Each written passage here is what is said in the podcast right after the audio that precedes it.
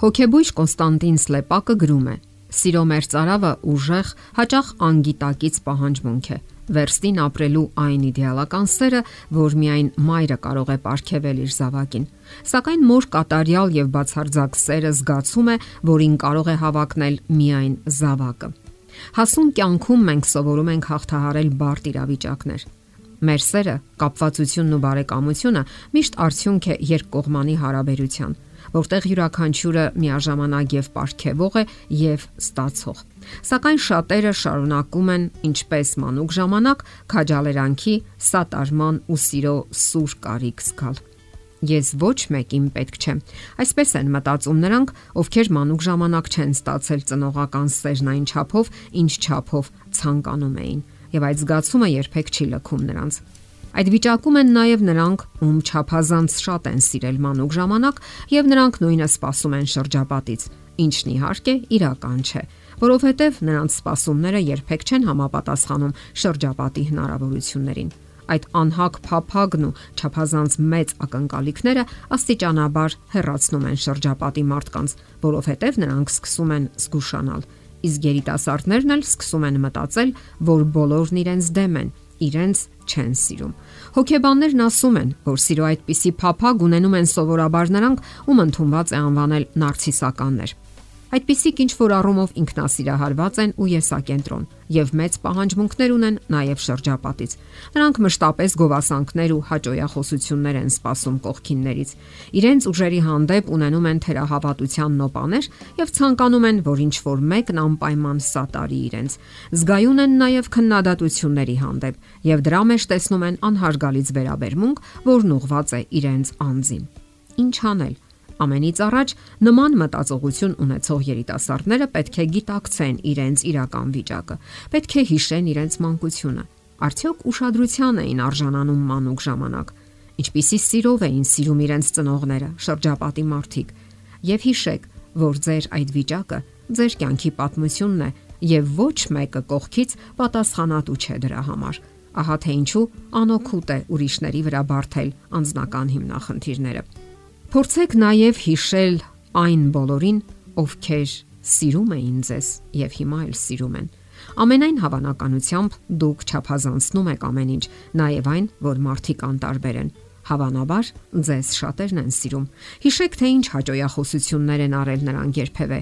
Անկասկած կարող եք հիշել նման դեպքեր, սակայն պարտադիր չէ, որ նրանք ամեն օր ուշադրության ցույցեր անեն երբևէ շնորհակալական խոսքեր են ասել։ Նմանատիպ ցույցերը, եթե չեն խոսում հսկայական սիրո մասին, համենայն դեպս վկայում են ձեր հանդեպ ուշադիր վերաբերմունքի մասին։ Ուրեմն, նրանք գնահատում են ձեզ եւ արժևորում շփումները ձեզ հետ։ Մեր հարաբերությունները սովորաբար երկկողմանի երթևեկություն են հիշեցնում։ Այն փոխադարձ է։ Տեղի է ունենում փոխանակություն Իսկ հիմա հիշեք ու գրառեք այն, ինչ արել եք վերջին ժամանակներում ձեր հարազատների ու մերձավորների համար։ Երբ փորձեք հիշել, անկասկած կզգաք, որ ինչ որ բան ապարգևելը պակաս բավականություն չի պատճառում, քան ստանալն ու պահանջելը։ Երբ դուք անկեղծ սեր եք ապարգևում, դա իսկապես ուրախություն է պատճառում ստացողին, սակայն նույնքան էլ ձեզ կարող է բավականություն պատճառել եւ հավելենք, որ դիմացինը կձգտի փոխադարձաբար պատասխանել Հոգեբաններն ասում են, որ սիրո մեծ պահանջի դեպքում կարելի է զբաղվել փոխարինող գործունեությամբ։ Այդ գործընթացը կոչվում է սուբլիմացիա։ Ստեղծագործական գործունեությունը փշրում է սիրո պահանջը։